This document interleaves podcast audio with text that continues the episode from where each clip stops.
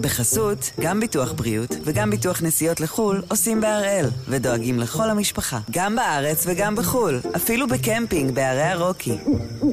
כן, גם שם, כפוף לתנאי הפוליסה וסייגיה ולהנחיות החיתום של החברה. היום יום רביעי, עשרה במאי, ואנחנו אחד ביום, מבית N12.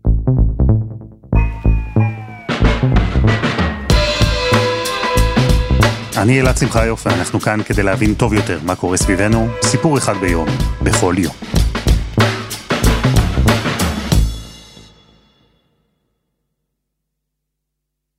אנחנו בעיצומה של מערכה.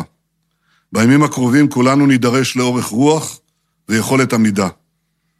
לפני שבוע, כשקיבלנו את ההחלטה ליזום את מבצע מגן וחץ, הנחיתי יחד עם שר הביטחון את צה"ל, וגם את מערכת הביטחון, להיערך לכל תרחיש של הסלמה, וייתכן שביותר מזירה אחת. מבצע מגן וחץ התחיל בערך 18 שעות לפני כן, אבל כשראש הממשלה וראשי מערכת הביטחון יצאו לתקשורת ועדכנו את הציבור, היינו עדיין בשלב ההמתנה. המתנה לתגובה, לירי, המתנה לגלות אם מגן וחץ יהפוך למערכה, למבצע נקודתי, לעוד סבב, או שבעצם הכל כבר הסתיים. לפחות לבינתיים. אחרי שצה"ל חיסל שלושה בכירים בג'יהאד האיסלאמי בעזה, לימודים הופסקו בדרום, מקלטים נפתחו, אירועים בוטלו, וכולם חיכו. חיכו לתגובה שאולי תגיע, אולי עוד הלילה, אחרי שנסיים כאן להקליט, אולי תגיע מחר, או מי יודע מתי, אבל כולם מעריכים שהתגובה תגיע, כי זה הרי לא הסבב הראשון, וכנראה שגם לא האחרון. אז הפעם אנחנו עם היום הראשון של מבצע מגן וחץ. אוהד חמו שלום.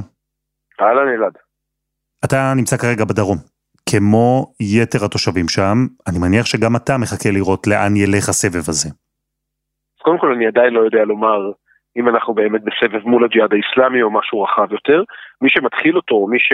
אה, זו כמובן הג'יהאד האיסלאמי, אה, לפני שבוע בעקבות מותו של אותו עציר חאדר עדנאן, והתגובה הישראלית או החיסול מנסה באמת לייצר את ההפרדה, את הדיפרנציאציה, כלומר אומרת ישראל כשהיא מתחילה את המבצע הזה, אומרת אני כן רוצה להמשיך בעצם ממה שראינו בשנים האחרונות אה, ולהילחם נגד הג'יהאד לבדו, כלומר אני מבודדת את הג'יהאד אה, אה, מחמאס ומבצע או התמודדות נגד הג'יהאד האיסלאמי והתמודדות נגד חמאס והג'יהאד האיסלאמי זה משהו אחר לחלוטין, ואגב כולנו זוכרים את זה כמובן, מבצע חגורה שחורה, למשל 2019, ישראל נגד הג'יהאד האיסלאמי, או רק בשנה שעברה, באוגוסט 22, גם כן עלות השחר, שוב ישראל ורסס ג'יהאד איסלאמי, ראינו שזה לא כוחות, ראינו באמת את הפער הכל כך גדול בין ישראל לבין הארגון הזה, ויותר מזה, בין הארגון הזה לבין חמאס.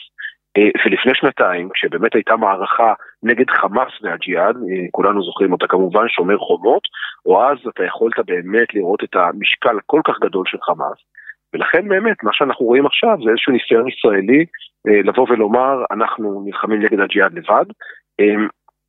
פונים לחמאס בכל מיני דרכים, כולל דרך המתווכים המצריים וכיוצא בזה, ומבהירים לו את הנקודה הזו, לא כדאי לכם להיכנס לאירוע הזה. אם אתם תיכנסו, תיכנסו לאירוע, או אז אה, אנשיכם, כולל הבכירים ביותר, סינואר ומוחמד דף ואחרים, יהיו חשופים גם כן אה, לחיסולים. והשאלה הגדולה באמת, האם אנחנו נראה פה מבצע, או נראה תגובה שהיא ג'יהאדיסטית בלבד, או שמא משהו רחב הרבה יותר. זהו, שהזכרת כאן סבבים קודמים. לכן ברור שהמתיחות בין ישראל לג'יהאד האיסלאמי לא התחילה עכשיו. אבל אתה כן שם את האצבע על האירוע שהוביל לפחות לסבב הספציפי הזה, והוא המוות של האסיר עדנאן. כן, אני שם את, ה, את האצבע עליו, על חאדר עדנאן, איש ג'יהאד איסלאמי, כמובן איש גדה, אה, מצפון הגדה, ערה בג'נין, שהפך להיות אה, סמל שביתות, אה, שביתות הרעב של השנים האחרונות, ששובת חמש פעמים בחייו, שובת שביתות רעב ארוכות ומשמעותיות. בארבע פעמים הראשונות הוא הצליח להשיג הישגים משמעותיים לנוכח העובדה שהוא בעצם שבת נגד מעצר מנהלי. וברגע שהוא שובת נגד מעצר מנהלי, כלומר מעצרו באמצעות אישור שופט, אבל כמובן ללא תשתית ראייתית שגם הוא נחשף אליה, או אז היה הרבה יותר קל לפתור איתו את הסיפור הזה. בפעם החמישית, אותו חאדר עדנאן שובת רעב לאחר שהוא בעצם נשפט במשפט רגיל, שבעצם הטענה נגדו היא א', חברות בארגון טרור, כלומר בג'יהאד האיסלאמי, וב', הסתה. עכשיו פה ישראל לא יכולה הייתה לשחרר אותו, זו הטענה, משום שאנחנו מדברים בעצם על עציר רגיל, מצבו הידרדר ואחרי 86 ימים הוא בעצם אה, אה, מת. אני חייב לומר שאמרתי, הוא לא היה בכיר מדי בתנועת הג'יהאד האיסלאמי, אבל הוא בהחלט היה סמל. מדוע סמל? כי בין היתר אנחנו מדברים על אדם או על תנועה שמתקשה מאוד לייצר מנהיגים וסמלים ביהודה ושומרון. בכלל, צריך לומר, גם חמאס וגם הג'יהאד, תחת uh, שלטון רשות פלסטינית, עם נוכחות ישראלית מאוד, uh, מאוד משמעותית ביהודה ושומרון, מתקשות כבר שני עשורים למעשה לייצר uh, הנהגה, לייצר סמלים בגדה ביהודה ושומרון. וחד הרדמן היה אחד היחידים ש, שלא פחדו, עמדו, נלחמו, נכנס לכלא, יצא מהכלא וכולי וכולי, וזה בין היתר מה שמעצב אותו והופך אותו לסמל מן ועם המוות שלו, ואולי יותר מזה, עם ההפיכה שלו לסמל. ראינו גם תגובה של הג'יהאד האיסלאמי, עשרות רקטות שנורו מעזה לעבר ישראל ביום אחד. אני חושב שזה מתחיל עוד קודם לכן. אני חושב שמה שאנחנו ראינו פה זה תוצאה של שחיקה, אה, שחיקה משמעותית של ההרתעה הישראלית, ואנחנו ראינו אותה בכל מיני היבטים. התחושה בצד השני בכלל, ופה אני עושה איזשהו זום אאוט, היא שבחודשים האחרונים, בגלל המשבר הפנימי בישראל, ישראל נקלעה למין סיטואציה, אה, סיטואציה שהיא מאוד חלשה באופן יחסי. אמ, ומדברים על זה הרבה בצד השני ומנתחים את זה הרבה, ויש אגב לא מעט אנשים ולא מעט פובליציסטים בצד השני שבאים ואומרים, נהפוך הוא, חברים, אל תגיבו ואל תילחמו בישראל, תנו לה לעכל את עצמה, לאכול את עצמה מבפנים, גם את זה אנחנו שומעים. אירועים כמו אה, מותו של חאדר עדנאן, אותו עציר אה, של הג'יהאד האיסלאמי ששבת רעב ומת בכלא, גוררים הפעם תגובה מאוד, מאוד משמעותית. ראינו יותר מ-100 רקטות בשבוע שעבר של הג'יהאד האיסלאמי, אגב, חמאס נתן אחריות, אבל ג'יהאד איסלאמי הוא זה שיורה אותם. אה, ואז באמת ישראל מגיבה באופן רפה, לכאורה מבחינת הג'יהאד הסיפור הזה נגמר, והנה עכשיו אנחנו באמת אה, אה, רואים את ההמשך שלו. אז ישראל לא הגיבה מיד על הירי, או כמו שאמרת, הגיבה, אבל באופן רפה, אבל התגובה הזו כן הגיעה. שלושה בכירים בג'יהאד האיסלאמי חוסלו, איתם עוד עשרה אזרחים, בהם גם נשים וילדים. ספר לי, מי הם אותם שלושה בכירים שחוסלו? אנחנו מדברים על הצמרת הכי גבוהה של הג'יהאד האיסלאמי, הצמרת הצבאית, כאשר בהם יש מי שאחראים על ירי רקטות, יש מי שאחראים בכלל על תפקוד אה, של הזרוע הצבאית של הג'יהאד, ויש אדם אחד שאחראי גם על הקשר עם הגדה. אני חושב שצריך להסתכל עליו באופן אה, אה, מיוחד או ייחודי, משום שקשה מאוד לנתק, ולא נכון לנתק את הזירות, עזה וגדה, במובן מסוים כמעט חד הם. במובן הזה שאנחנו רואים שהם, אני עושה פה איזה זום אאוט קטן אלעד, האתגר הגדול באמת של ישראל בשנה האחרונה זו יהודה ושומרון, זו לא רצועת עזה. אמ, זו הסלמה דרמטית משמעותית, והאמן לי לשם השב"כ והצבא מפנים את עיקר אה, מאמציהם ומרצם. ומי שהוביל את ההסלמה הזו, לפחות בתחילת השנה ועדיין נמצא בחזית, זה ארגון הג'יהאד האיסלאמי. והג'יהאד האיסלאמי ביהודה ושומרון, בגדה, זה ארגון שהלך והפך להיות סוג של מפלצת ממש בשנה האחרונה. הוא לא היה כזה, היכולות שלו לא היו כאלה. הוא הלך והתחזק בצורה יוצאת דופן. תשאל איך זה קורה. בין היתר באמצעות ההכוונה שיוצאת מרצועת עזה, בין היתר באמצעות הכסף שמגיע מרצועת עזה, בין היתר באמצעות אותם, אה, אותם פעילים, אנשי אה, גדה, שגורשו לעזה בעסקת שליט, ומה שהם עושים 24/7 זה לנסות בעצם ולבנות את אותן תשתיות של הארגון אה, עם הידע שיש ברצועת עזה, לבנות משהו מקביל לגדה. זה מתחבר למה ששמענו אתמול מראש השב"כ בהצהרה לתקשורת, על חיסול של חוליה שייצרה רקטות בג'נין, מה שהיה יכול להפוך את עפולה אפילו ליעד ירי. אני מוכרח להבין חמו אבל משהו שאותי לפחות מפתיע, כי אתה ואני מדברים עכשיו בשעת ערב מאוחרת. 20 שעות כמעט עברו מאז החיסול. בינתיים, שקט, אין תגובה, אין ירי מעזה, ויכול להיות שזה השתנה בזמן שאנשים שומעים את השיחה שלך ושלי, אבל תסביר לי את שעות השקט הממושך והמאוד לא אופייני הזה. זה בעיקר ניסיון של הג'יהאד האיסלאמי לגרור את חמאס, להכניס אותו לתוך המערכה הזו. יש כל מיני סיבות שאנחנו שומעים באמת על השקט הנורא מוזר אבל הסיבה שתופסת לי את האוזן יותר מכל, זה באמת העובדה שהג'יהאד לא רוצה לעמוד לבדו שוב מול ישראל, אה, ומנסה ממש לרתום את חמאס לתוך העגלה הזו, לתוך המערכה הזו, עם כל המשמעות שלה, ומה שמספרים היא שהפעם היכולת של חמאס להגיב או להתנגד לזה היא יותר מוגבלת. כלומר, יהיה, יהיה יותר קשה לחמאס להתנגד לזה. מדוע? משני טעמים. פעם אחת, משום שבתפיסה של חמאס, בפעם הקודמת, הג'יהאד האיסלאמי היה זה שבעצם הוביל את הפרובוקציה נגד ישראל, והפעם הוא לא מוביל שום פרובוקציה וישראל היא הצד התוקפני. נקודה נוספת זה שבמובן מסוים חמאס חושש מהישנות של, של הפרקטיקה של חיסולים, כי היום מחסלים שלושה בכירים בג'יהאד האיסלאמי, מחר עלולים מבחינתם לחסל את מוחמד דף ואת יחיא סינואר. ולכן אם עכשיו אנחנו אומרים בחמאס נאפשר למשוואה הזו להתבסס למשוואת החיסולים הישראלים, או אז אנחנו בבעיה.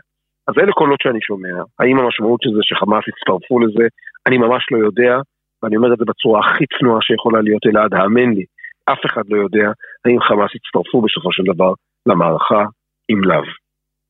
יכול להיות שזה בגלל החזרה של ישראל למדיניות חיסולים ממוקדים, או לפחות האפשרות שישראל תחזור למדיניות הזו באופן קבוע, אפרופו שלושת הבכירים של הג'יהאד האיסלאמי בעזה, אולי זה מה שמרתיע את חמאס?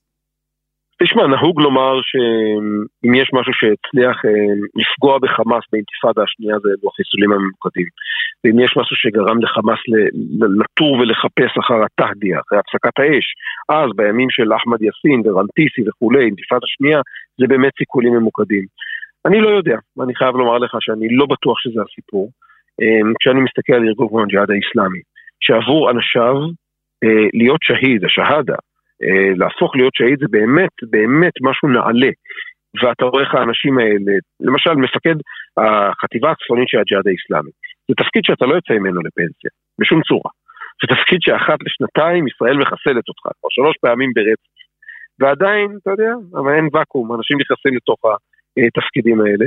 לראיה, אנחנו באמת רואים את העובדה שהג'יהאד האיסלאמי ממשיך אה, לאתגר את ישראל מרצועת עזה ומיהודה ושומרון, פעם אחר פעם, פשוט להוביל, ממש להוביל את, ה, את, ה, את ההתנגדות, או אתה, אתה יודע, מה שאומרים בערבית התנגדות, להוביל את הטרור ולהוביל את הפעילות האנטי-ישראלית. אז מה אנחנו רואים פה בינתיים, חמו? תגדיר לי את היום הראשון של מגן וחץ, ובלי לנבא, אבל בכל זאת כן תנסה להסתכל קדימה ולומר לי לאן האפשרויות מובילות אותנו מכאן. אני חושב שמה שאנחנו רואים פה עכשיו זה המבחן הראשון המשמעותי אה, במה שמדברים עליו כבר לא מעט בשבועות האחרונים, במה שמנסים אה, הציר האיראני בעיקר, אגב בראשות איראן, לבסס פה בסכסוך הישראלי, אה, אפילו לא פלסטיני, הסכסוך הישראלי-ערבי, וזה הנושא הזה, המושג הזה של אה, אחדות הזירות. זה מושג שככה אנחנו מכירים אותו הרבה שנים, אבל בחודשים האחרונים הוא הופך להיות ממש, הייתי אומר, אבן שואבת. אה, בדוקטרינה של אה, האיראנית או של הציר האיראני, שבעצם הרציונל הוא נורא פשוט. הם אומרים שם, מה שישראל עושה במשך שנים זה הפרד ומשול. כלומר, ישראל מתייחסת לכל זירה בפני עצמה. אנחנו, אה, שלפני שנתיים בעצם קורה אותו אירוע מכונן שנקרא שומר חומות, אירוע מכונן באמת, כי זו הייתה הפעם הראשונה שכל הנקודות נפגשו, אנחנו רוצים לאחד את הזירות, כלומר ישראל, לא לאפשר לישראל להילחם רק עם רצועת עזה. אם היא תילחם עם עזה, אז גם לבנון תגיב, וסוריה תגיב, והגדה תגיב, ומזרח ירושלים תגיב, ואולי גם הערבים אזרחי ישראל. ואותו דבר לגבי כל אחת מהזירות האלה. זה בעצם, זו התפיסה, התפיסה אומרת מעכשיו לישראל יהיה הרבה יותר קשה לבודד כל זירה. וכעת אנחנו נמצאים בפני, הייתי אומר, המבחן הראשון המשמעותי של התפיסה הזו. כל הדברים האלה הם בבחינת נעלם גדול, אבל זה בהחלט, בהחלט מעניין כי הקונטקסט פה הוא הרבה יותר רחב מג'יהאד איסלאמי רצועת עזה. וכאשר הדבר הזה, אתה יודע, אנחנו מתחילים עם ג'יהאד איסלאמי, מתחילים עם רצועת עזה, לא כל כך יודע לאן אנחנו, לאן הדבר הזה עוד יתפתח, ובעיקר מאילו זירות.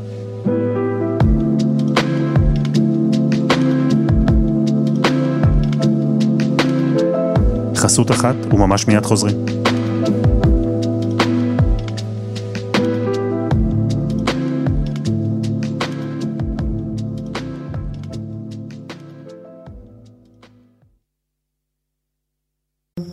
בחסות, גם ביטוח בריאות וגם ביטוח נסיעות לחו"ל עושים בהראל, ודואגים לכל המשפחה, גם בארץ וגם בחו"ל, אפילו בקמפינג בערי הרוקי.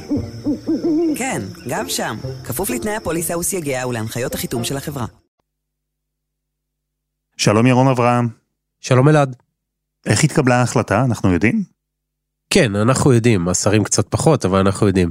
סתם, אני, אני אגיד לך כך, תראה, ההחלטה התקבלה כבר לפני שבוע. עם הירי המסיבי לדרום של 104 רקטות, היה ברור בדרג המדיני בישראל, וכשאני אומר בדרג המדיני אני מתכוון לראש הממשלה ושר הביטחון ולבכירי צה"ל, שהמשוואה פה מתערערת, נסדקת, כמעט נשברת, וצריך להחזיר אותה למסלול המקורי שלה. וכבר שם הוחלט שכן מחזירים את הכלי הזה של הסיכולים הממוקדים אל השולחן. ראש הממשלה ושר הביטחון מנחים שם את צה"ל בנקודה הזאת, ביום שלישי, כן? אנחנו מדברים על לפני שבוע, אה, להכין תוכנית. להכין תוכנית לסיכול בכירי הג'יהאד האיסלאמי, והתוכנית הזאת נרקמת כבר שם.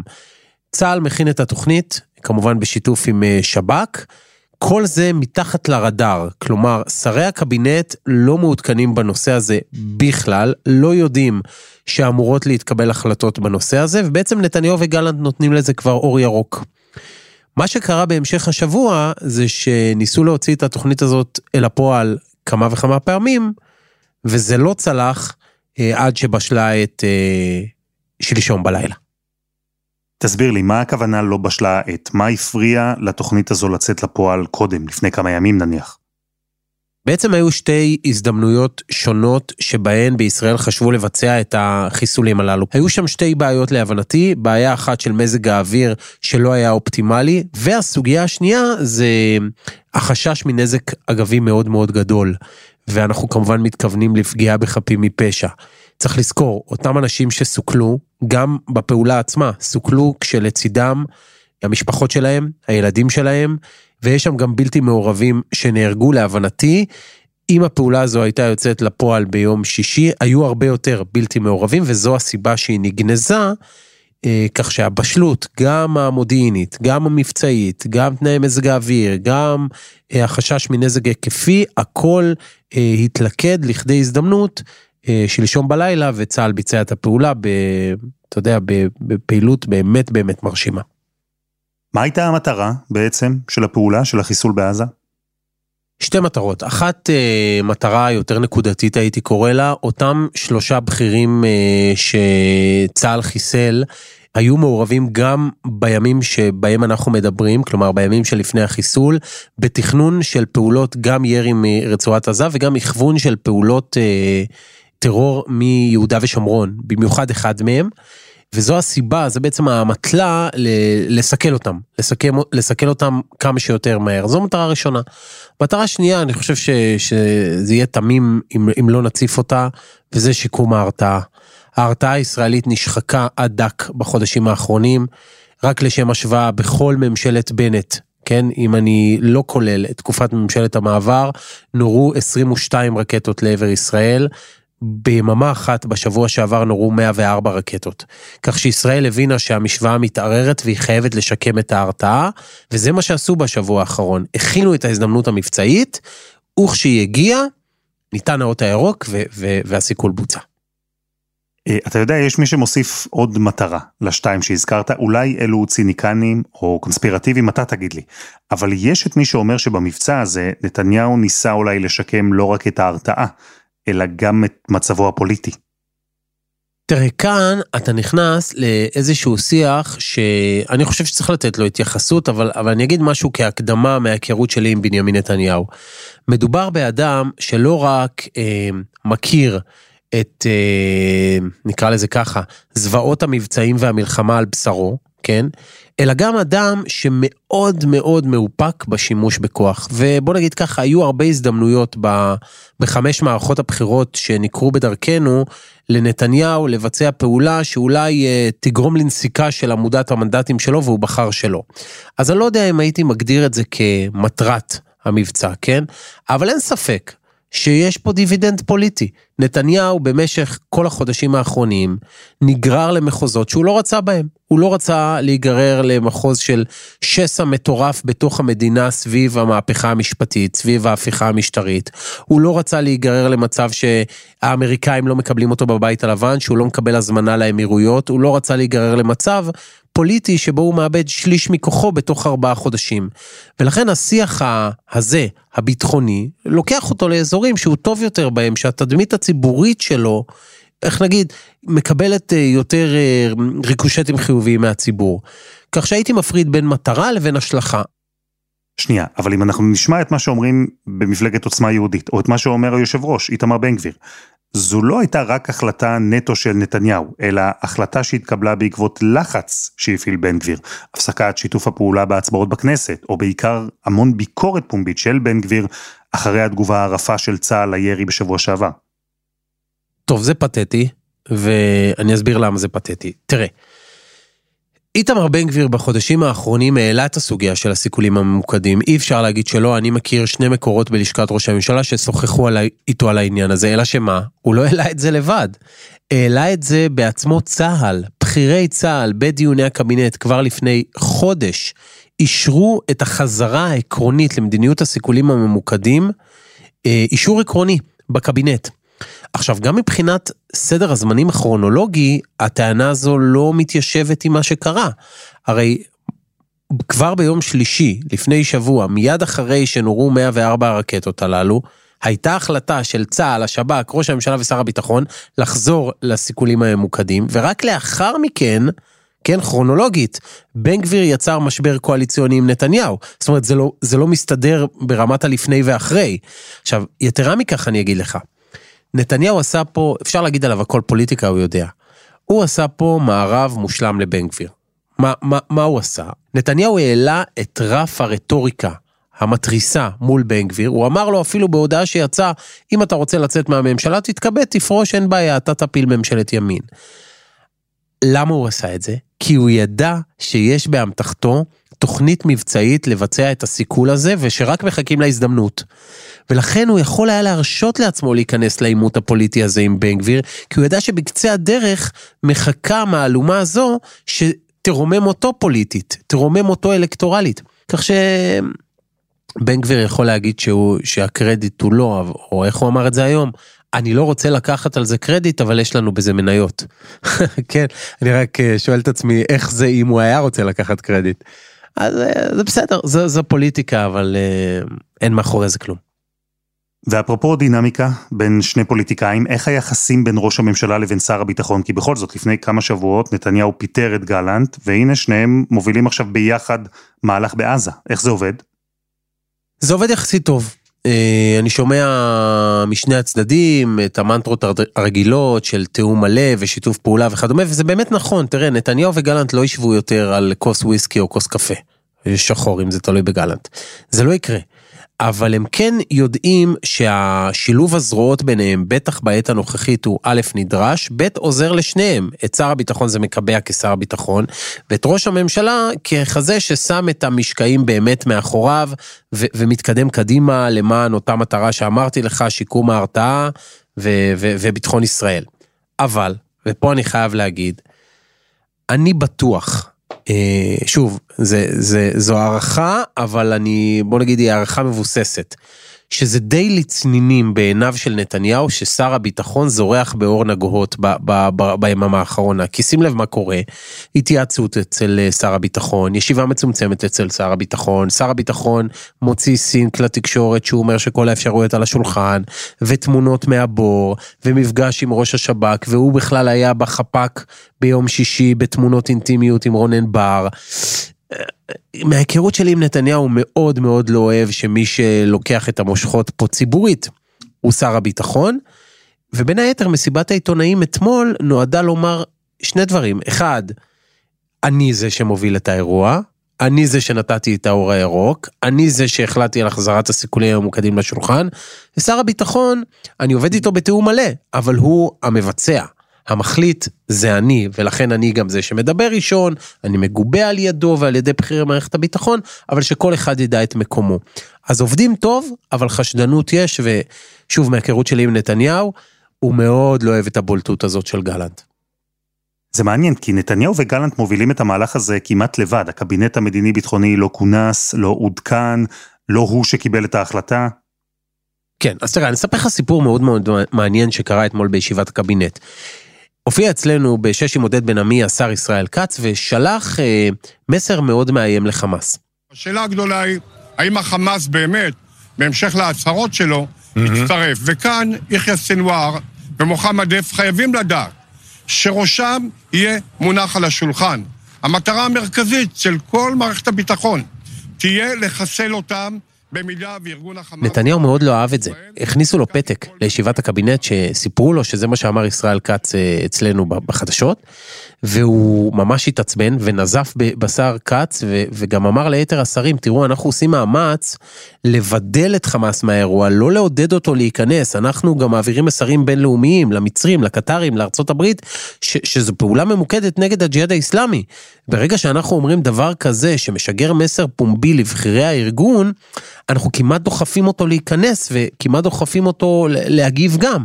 זה, זה לא עוזר לנו. אם וכאשר הוא ייכנס, אז יכול להיות מאוד שמדיניות הסיכולים הממוקדים אה, תונחת גם על ראשיהם של בכירי חמאס. אבל למה לנו להכריז על זה מראש כשאנחנו רואים שחמאס יושב על הגדר? זה הרי לא חכם, וגם פוגע במאמצים שלנו בזירה הבינלאומית. נתניהו לא אהב את זה, אבל ללמדך מה, מה, מה, מה האסטרטגיה? האסטרטגיה היא חד משמעית בידול. מערכה ממוקדת, כמה זמן שיידרש נגד הג'יהאד האיסלאמי. אם חמאס יתערב, ואנחנו מקווים שלא, ניפגש ונדון מחדש. כרגע אנחנו מקווים שהוא יישאר בחוץ, זו האסטרטגיה. אוקיי, okay, ובכל זאת, האסטרטגיה הזו, לא ראוי שהיא תעלה לפחות לדיון בקבינט, הגוף שמוסמך ונועד לקבל החלטות מהסוג הזה? תראה אלעד, זה שהקבינט המדיני-ביטחוני לא התכנס במהלך השבוע האחרון כדי לאשר את הפעולות האלה, אה, זה לא כל כך דבר חדש. אני זוכר גם בממשלות קודמות, שהקבינט מסמיך את ראש הממשלה ואת שר הביטחון לקבל החלטות כאלה אופרטיביות במישור המבצעי, וזה לא עובר את, את אישורו של, של הגוף הזה, שנקרא הקבינט המדיני-ביטחוני. כלומר, זה קרה בעבר ויקרה גם בעתיד. איפה החידוש? החידוש הוא שנתניהו, ואת זה אני אומר לך בוודאות מוחלטת, לא סומך על הקבינט הזה שלו. עכשיו, איך אני יודע? לא רק בגלל האמירות מול בן גביר, שבאמת באמת היה חשש בסביבת ראש הממשלה ש... אה, איך נגיד את זה? שמה שיאמר לו בקבינט לא יישאר רק בקבינט. אלא גם העובדה שאתמול בדיון נתניהו הזמין את אריה דרעי, כן, לדיון של הקבינט למרות שהוא לא שר. הוא הביא לשם את דודי אמסלם, שהוא שר במשרד המשפטים ולא חבר קבינט. כלומר, אם נתניהו היה סבור שבקבינט המדיני-ביטחוני שלו הוא יכול לדבר בצורה חופשית, הוא היה משאיר את הקבינט הזה בהרכב מאוד קבוע, עם אותם שרים, שהיה נוצר שם איזה סוג של אינטימיות ושותפות גורל. זה לא קורה. כל פעם הוא נותן צ'ופר, צ'ופר פוליטי לאחד מהשרים שלו להשתתף בישיבות הקבינט, משל זה היה, אני לא יודע, איזשהו מפגש של, של, של בכירי הליכוד לקראת הפריימריז. יש איזו זילות ש, של הגוף הזה שנקרא הקבינט המדיני-ביטחוני, כשכל פעם אתה משנה את הרכבו ומכניס עוד אנשים למעגל קבלת ההחלטות. ומה אני למד מזה? שנתניהו לא חושב שכל מה שהוא אומר בקבינט נשאר רק בקבינט. ולכן הוא מרשה לעצמו להתייחס אליו קצת בפחיתות כבוד. ולקבל את ההחלטות בפורומים אחרים מצומצמים יותר.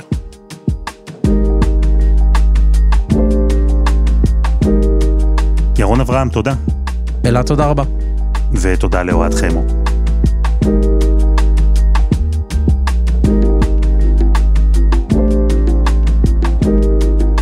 היה אחד ביום של N12. אנחנו מחכים לכם בקבוצה שלנו בפייסבוק, חפשו אחד ביום, הפודקאסט היומי. העורך שלנו הוא רום אטיק, תחקיר והפקה עדי חצרוני, רוני ארני ודני נודלמן, על הסאונד יאיר בשן שגם יצר את מוזיקת הפתיחה שלנו, ואני אלעד שמחיוף. אנחנו נהיה כאן גם מחר.